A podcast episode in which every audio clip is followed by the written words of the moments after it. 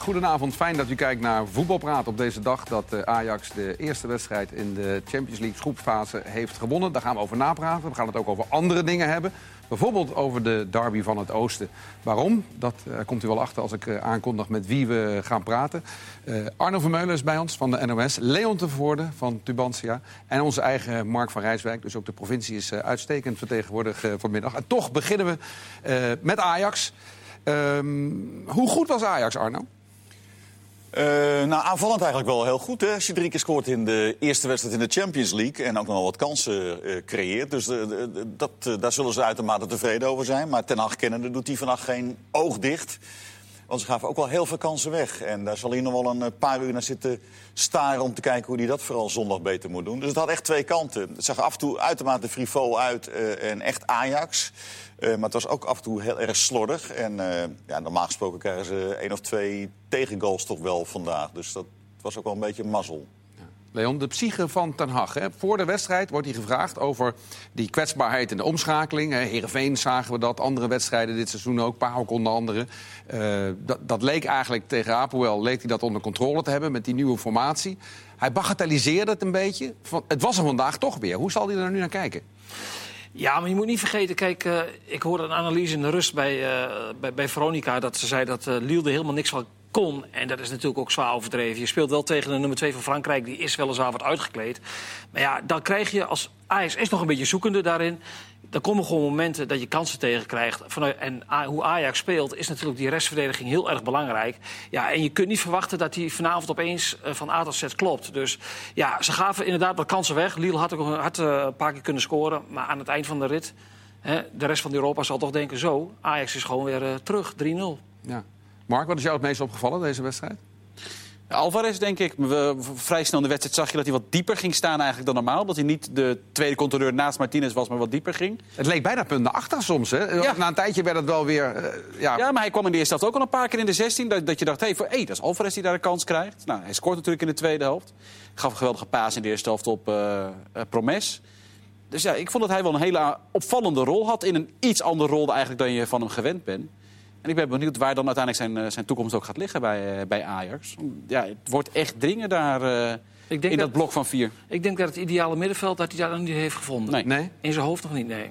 Wat natuurlijk opvallend is, voor die wedstrijd tegen Apel had hij dus het plan gemaakt van blind terug naar achteren. Had hij ook een nieuwe middenveldformatie bedacht. Ziyech was daar in de nummer 10. En daarachter zouden eigenlijk Martinez en Van der Beek spelen. Van der Beek raakt geblesseerd, terwijl ze die week daarop trainen. En toen kwam eigenlijk de noodgreep Alvarez. Maar ja, die maakt nu een belangrijke goal. Die maakte in de vorige wedstrijd een belangrijke goal. Kan het misschien wel een blijvertje zijn op middenveld? Arno, wat denk je?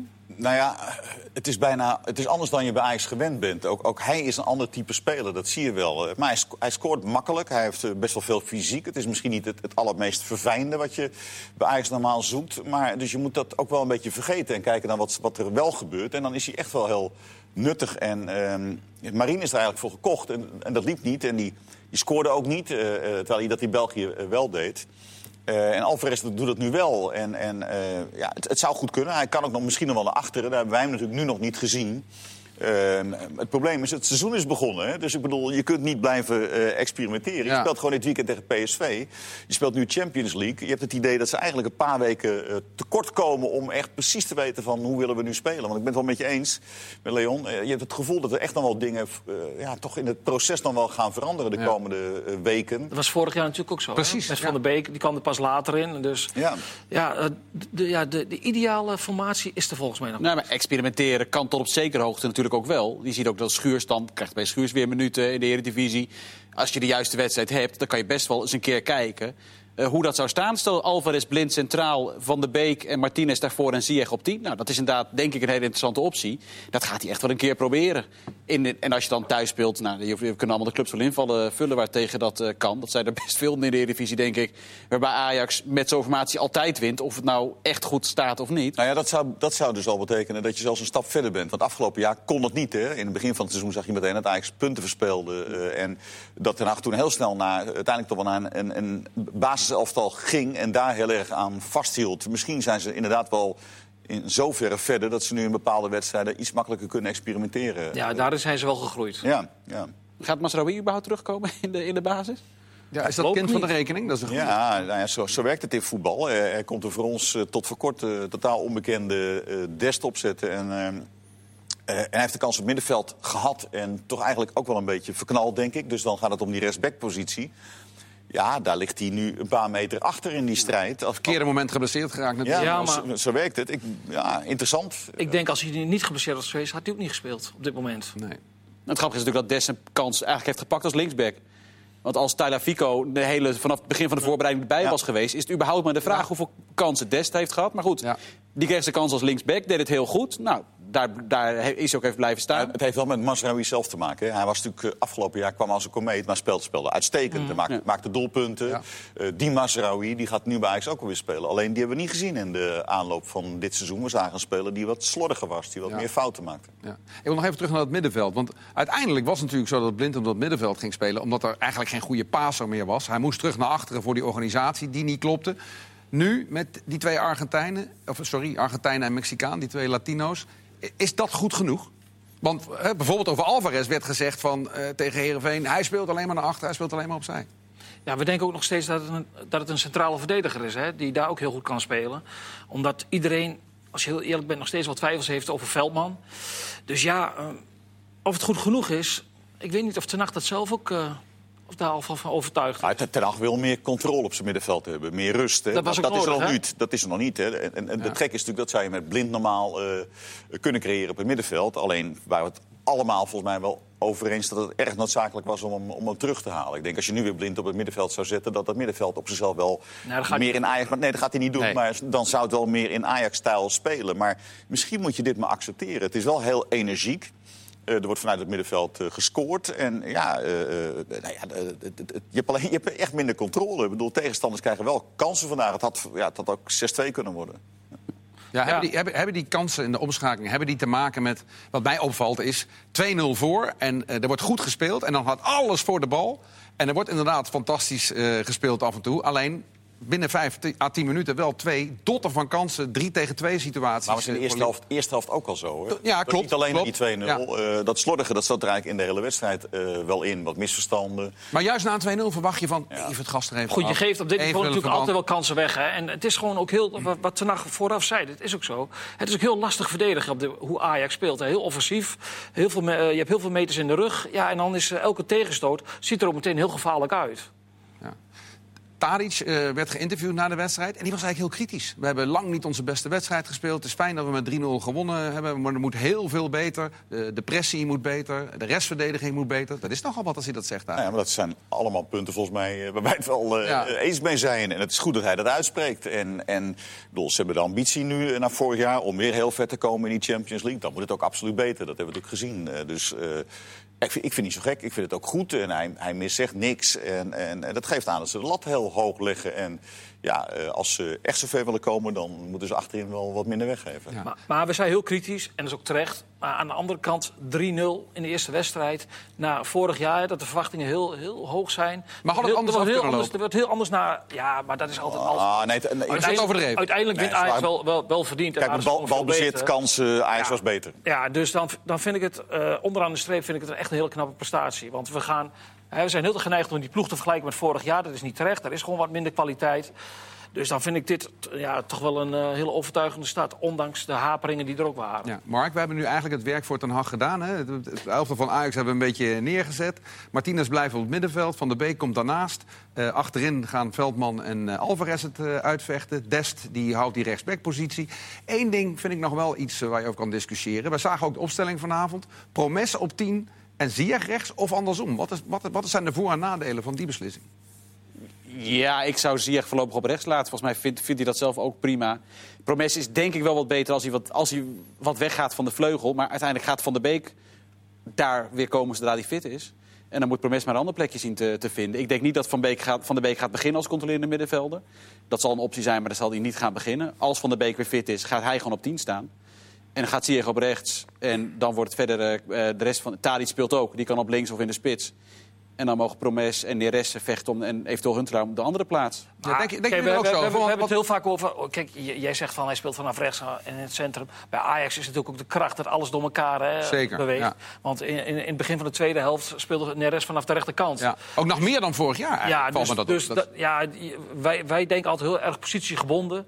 Maar ja, eh, de kunst is om de positie te bezet te hebben. Maar wie dat doet, dat maakt bij Van der Ajax- Beek gaat toch gewoon op maakt 10 als hij fit uit. is? Ja. Nou, nou, het was natuurlijk wel zo dat voor die wedstrijd tegen APL Nicosia... Ten Hag een nieuw plan had, omdat hij niet tevreden was. Blind moest naar achteren. En hij had toen al Ja. beslist dat Martinez en Van der Ja. Beek... die zouden de dubbel zes worden op het middenveld. Van der Beek raakt geblesseerd. En toen is de noodgreep Alvarez op het middenveld eh, gekomen. Maar het is wel een... Als hij nu fit wordt, zou je logischerwijs zeggen... dat hij alsnog dat plan uitvoert. Want dat was Het, is dan wel, het is nog steeds wel een interessante optie natuurlijk. eh, Van der Beek kan daar spelen. Eh, Zoals in, in het jaar onder eh, Bos heeft hij daar eh, als invaller een aantal keer ook echt heel goed gespeeld. Zegt ook zelf dat hij daar prima wil spelen. Dus Ja, niet iemand ja. die dan tegen zijn zin... Dat heb je ook nog wel eens. hij komt meer aan de bal ook nog natuurlijk. In, eh, dat is iets wat je dit jaar ook... Maar daarom zeggen we ook, hè, het is echt nog in ontwikkeling. Dat is iets wat je, wat je misschien wel gaat zien dit jaar. En eh, elke keer als iets goed uitpakt, dat is heel logisch voor een trainer. Als iets goed uitpakt, ga je ermee door. Hè. Marien is, is gekocht, eh, nou toch een jongen met een goede staat van dienst. Eh, dingen lopen niet, dan ga je, ga je aanpassen. Dan ga je andere zaken, zaken proberen. En Des pakt een kans, nou, dan blijf je daar voorlopig staan. Dus het, het is ook gewoon ja, aan, aan de spelers om maar te zorgen dat je erin komt. En inderdaad, concurrentie is heel groot. De Promes, Neres zullen allebei heel hard moeten knokken... voor welke positie dan ook om, eh, om te spelen. Want we hebben het over de tien. Neres heeft er ook eh, achter gespeeld. Ja. Ook dat was soms eh, succesvol. Dus je hebt, je hebt gewoon heel veel opties. Tadic volgens mij helemaal in het begin nog, toen hij kwam, heeft er al een eh, keer, keer gespeeld. Wat me wel opviel is dat met Promes, dat je voetballend... dat hij af en toe dan in een kleine ruimte de bal kwijtraakt... en net niet snel genoeg de voortzetting heeft. Alleen bij die goal zie je ook weer dat Promes als ja, aanvallende middenvelder slash schaduwspits... ja, dan staat hij er wel. Ja, wat, ik heb Ajax vrij veel wel zien spelen in de voorbereiding. En dat promes het heel moeilijk. En dat, wat me dan heel erg opviel was dat hij, dat hij had heel veel moeite, eh, moeite met de technische... Ja, met, met de, met de technische dingen. De, de eerste aannamen waren bij hem eh, eh, meestal niet goed. En het was toch meer een- in de voorbereiding spelen vanuit de omschakeling. En dat wordt wel, hij wordt wel iets eh verfijnder, vind ik, de laatste tijd. Dus dat heeft misschien ook nog even tijd nodig. Ja. Tagliafico's, denk ik, moeten we nog even noemen. Want dat is wel echt een fenomeen aan het worden. Eh, Mag ik dat zeggen? Ja, nee, ja, ja superlatieven eh, begrijp ik pas steeds om ons heen. Wordt ons wel eens aangerekend dat we die te snel en te vaak gebruiken. Dus het kan eigenlijk niet, Christian, maar het is een perfecte omschrijving. Eh, nee, ja, het is, het is formidabel. Maar dan kijken wij naar de goals. Hè. Natuurlijk, daar, daar mogen eigenlijk bijna niet eens op beoordelen. Maar dat is mooi meegenomen. Maar ik zag ook weer een aantal verdedigende acties... waar hij met een mes tussen de tanden ook, ook wel op omschakelmomenten zijn duels wint... eh, en daarom een aanval eruit haalt. Het is een fantastische aankoop geweest van, eh, van Ajax. Misschien wel een van de beste uit de geschiedenis. En Zo. de rest zal, ja, de rest zal echt niet zitten te slapen. Dus die gaat, eh, die gaat naar dit jaar. eh, O- Overmars kan, eh, kan, eh, Kan zijn borst nat maken kan weer op een, op een aardig bedrag eh, Kijk, wij, wij, rekenen. wij zijn best wel kritisch op Ajax vanavond. Maar als je kijkt naar Ziyech, Tagliafico... eh, Ziyech was ook weer goed. Martinez. Onana, dan, hè, daar hebben we toch eigenlijk wel weer heel erg genoten. En zeggen we altijd nog even dat Taliafico ook ooit Feyenoord aangeboden is. Ja. Maar die gingen voor haps. Die gingen voor haps.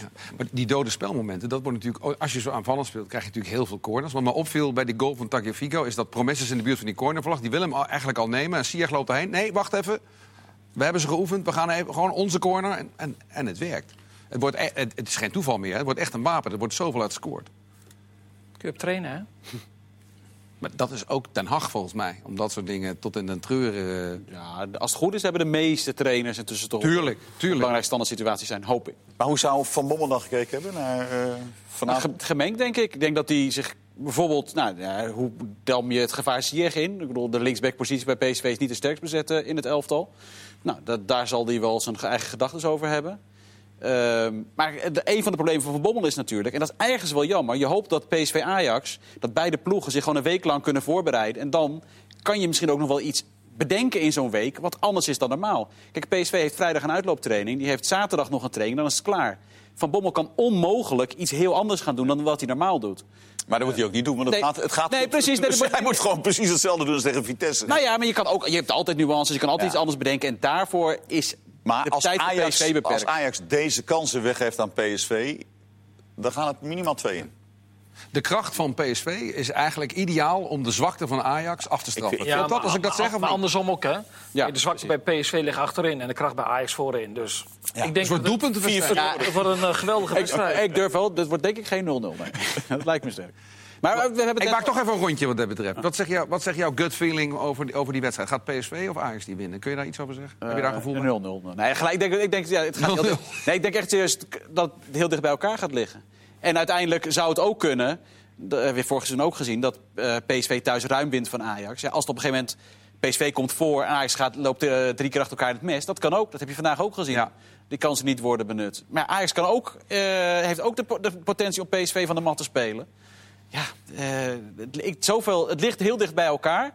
Maar allebei zijn, ze, zijn hun boven- en ondergrens ook nog zo ver dat, dat, je, ja, dat het heel moeilijk in te schatten is.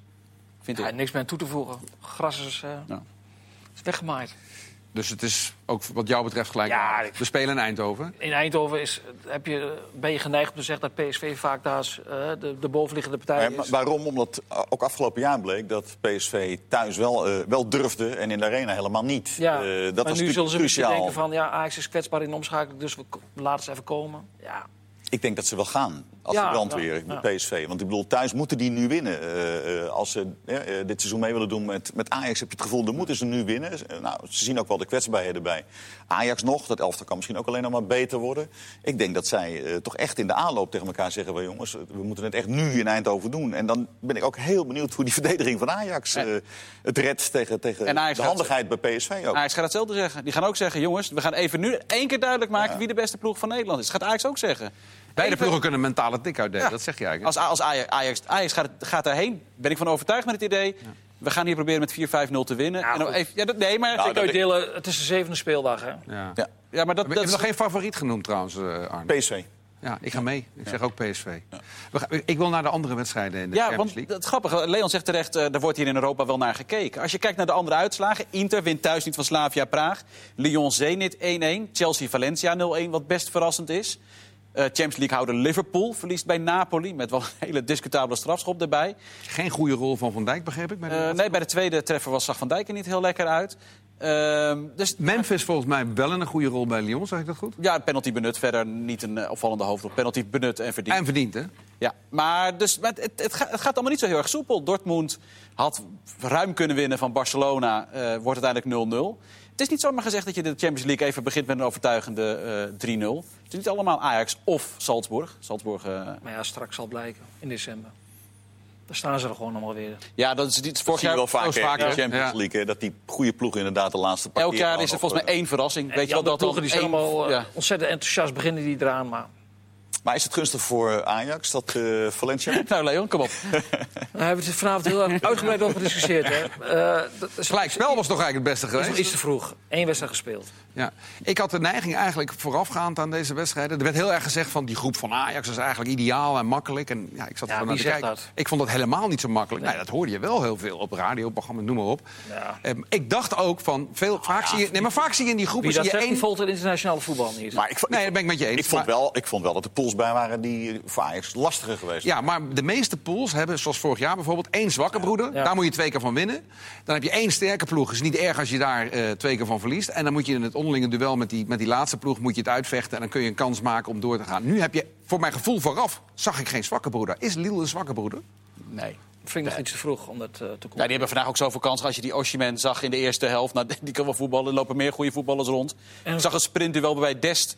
Even dacht ik ben er vandoor. En die werd me toch een partij ingehaald door een van die andere Zo. een van die spelers van Lille. Die Dat hebben we de Eredivisie niet gezien volgens mij, dat hij er zo uitgelopen is. Nee, Maar je krijgt, je Maar win dan maar eens in Lille. Hè? ja. je krijgt Lille, Ja, Lille- maar je krijgt goed, Lille Chelsea, hè? Ja. Nou, dat is wel al meteen natuurlijk voor beide. Dan, eh, als Chelsea die verliest en 0-2, dan... Valencia leek door die trainerswissel eigenlijk een beetje de ploeg waarbij je het gevoel had van... nou, dat moeten we allemaal nog maar eens zien. Ik, vind- ik vind het erg verrassend dat... Volgens mij was, het- had Chelsea ook aardig wat kansen, missen nog een penalty. Dus ik denk eerlijk gezegd dat Valencia nog steeds niet de, eh, de zwaarste tegenstander is die had kunnen treffen. Goede ploeg, maar niet in, de, niet in bloedvorm. En met een trainer die eh, niet gepruimd wordt door de spelersgroep. Dus da- daar zouden wel mogelijkheden moeten liggen. Ja, uitstekende beslissing achteraf om Marcelino eruit te gooien. Dat zullen we maar concluderen. Voor Aj- voor Ajax wel, ja.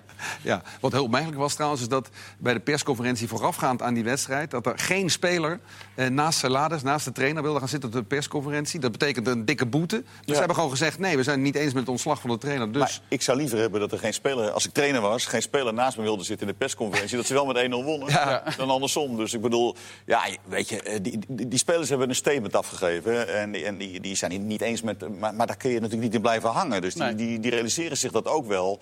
En die laten nu gewoon zien dat ze gewoon voor hun eigen kansen gaan. Dus eh, ik denk dat, dat, dat die wisseling nu niet cruciaal is eh, de komende Nee, periode. Hoor. Nou, niet zozeer naar de trainer toe. Want ze hebben op de eerste training al een statement gemaakt eigenlijk... dat ze niet onder de nieuwe trainer zouden willen spelen. Dat ze eigenlijk wilden dat Marcelino bleef. Maar ja, op de tweede dag dat de nieuwe trainer er was... zeiden ze, ja goed, maar we moeten straks wel tegen Barcelona gaan voetballen. Laten we toch maar doorgaan. Dus ze gaan wel door. Ja. Alleen ja, Marcelino was gewoon echt een hele goede trainer. En dat mis je wel. En of deze eh, net zo goed is en het net zo goed gaat doen, dat, dat is afwachten. Ja, misschien psychologie van de koude grond, dat die spelers dan dichter bij elkaar komen. Nou ja, eh, laten we even afwachten voordat we die conclusie trekken. Eén, nog, eh, één ding nog, de, de wedstrijd met de meeste doelpunten. Ja, dat, ja ik ben eh, afgelopen zomer in Salzburg geweest. Eh, ik, vorig seizoen in de Europa Vandaar dat je zo enthousiast was. Nee, nou ja, vorig, vorig jaar, afgelopen jaar in de Europa League, Salzburg heel veel gezien. Die verliezen elk jaar eigenlijk hun beste spelers. Met name aan Leipzig natuurlijk, die moeten daarheen. Hannes Wolf is daar weer naartoe. Eh, en nu hebben ze weer een jonge Noor op de kop getikt. Eh Haaland, 19 jaar, opgepikt bij Molde. Die heeft er eh, tot nu toe negen wedstrijden gespeeld dit seizoen. In de competitie, beker en in Europa. 17 doelpunten gemaakt. Dus nou, dat is op zich een aardige aanwinst eh, gebleken. De speler die op het WK 120 er al negen maakte in één wedstrijd. Toegegeven, dat was tegen Honduras onder 20. Dus eh, wellicht dat Arno ook nog, eh, als, had ook nog een paar in kunnen prikken. Maar dat is wel een fenomeen. En ik vind het met name zo knap dat Salzburg, natuurlijk dat hele Red Bull-concern... maar dat hele scoutingsapparaat Ja. Is ongelooflijk goed. Ze maken al die spelers ook steeds beter. Nou, dan gaan ze weer naar Leipzig, dan gaan ze daar weer geld verdienen. Ja, die, die, die Haaland, ik weet niet of in januari al gaat, dat wil ook nog wel eens gebeuren. Maar die, ja, die, daar kan je eigenlijk nu al invullen. Die speelt, die speelt of volgend seizoen of in ieder geval op korte termijn gaat hij ook alweer naar, eh, naar Leipzig toe. Ja, dat vind, ik vind het fantastisch hoe, hoe dat ook kan. Want er wordt heel veel kritiek natuurlijk, met name op Leipzig geleverd binnen de Bundesliga. Slecht, commercieel, altijd protesten. Maar als je ziet hoe die hele serie clubs met Liefering erbij ook nog wordt geleid... Nou, dat vind ik Maar ja, dat je daar alleen maar respect voor kan hebben. Oké, maar je kunt aan de andere kant zeggen, hè, voor Salzburg is dit natuurlijk wel echt eh, een, een, een shit-situatie altijd. Hè? Want oké, Haaland gehaald, eh, binnen een half jaar zeg je een jaar, eh, moet hij daar weg, weet je wel. Ze zijn echt een doorgangshuis geworden. Waar ze natuurlijk een paar jaar geleden, dachten we, misschien wel zichzelf zouden vestigen in de, in de Europese top. Dat wordt nu wel heel ingewikkeld. Ja, nee, je ziet ook dat de toeschouwersaantallen teruglopen. Omdat, ja, dat is, het is ook een, een lastig eh, pakket waar ook die supports in zitten. Want ja, Die sponsor offert gewoon toch één club op om de andere groter te ja maken. en, en Ja, dat aan is... de andere kant eh, brengt ze dit nu ook wel. En daar hadden ze anders waarschijnlijk niet gehad. Ja, maar ze waren natuurlijk best al aardig. Ja, maar daar hadden ze niet volgehouden, denk ik. Nee, maar sinds, sinds Leipzig in de Zie je Bundesliga... van Basel, hè, dat soort clubs houdt uiteindelijk toch niet vol. Ja, maar als Red Bull zich beperkt had tot Salzburg. Ja, ja. De gretigheid van, Ja. van Red Bull om natuurlijk meer clubs te hebben, dan Ja. krijg je een hiërarchie en dan... Ja, maar Leipzig staat eh, bovenaan. En, sinds Leipzig gepromoveerd is, dus mm, sinds Leipzig gepromoveerd is, is dat gewoon het vlaggenschip. En dan zie je inderdaad, want Wolf zat, zat volgens mij zat hij vandaag weer op de bank. Ja, die vorig seizoen gezien, die was zo ongelooflijk goed bij, eh, bij Salzburg. Het is gewoon echt heel zonde. Die was vandaag basisspeler geweest bij Salzburg. Ja, bij Daar heb ik niet zoveel gezien, hoor. Zeg je? Daar heb ik niet zoveel gezien, Paul. Oh, oh, sorry. Nou, we gaan niet alle spelers van eh, Nee, Salzburg da- behandelen. want, we hebben, we- want we hebben Leon namens de provincie aan tafel. We gaan het namelijk over eh, de de, de provincie. derby Hey, van het hey, hey, Oosten. ik- Maar, ik- hey, ik- oh ja, ik jij ook. Sorry, ja, ja. Jij woont niet in een provincie, begrijp ik? Eh, jawel, ik woon ook in een Oh, ik dacht provincie. op een booreiland. Oké, je hebt me. Ehm, Twente, eh, sorry, Heracles Twente moet ik zeggen. Derby van het Oosten, vrijdag. Eh, hoe goed is FC Twente? Laat ik maar gewoon, staan derde, knuppel in het hoenderhok. Hoe goed? Ja, ehm, de eerste paar wedstrijden was het niet eens zo overtuigend, hè, wat ze presteerden. Ja, afgelopen zondag in de eerste helft en de tegenstander was Fortuna, daar moet je daar wel in meenemen. Ja, speelden ze eigenlijk heel goed. Eh, eh, jij was erbij, het was eh, de, manier waarop ze speelden, een beetje Spaanse invloeden. Busquets speelde voor het eerst, hè, een huurling van Barcelona, 19 jaar. Ja, die, die jongen die speelde ja, heel erg sterk. En je moet altijd oppassen om na één wedstrijd al iemand een etiket op te plakken. Maar dat kan er wel eentje worden in de Nederlandse competitie. Dus hoe sterk is Twente? Ja, ze hebben thuis gewonnen van Utrecht. Vanuit de omschakeling waren ze daarin heel gevaarlijk. En eh, er zit een enorme spirit in die ploeg.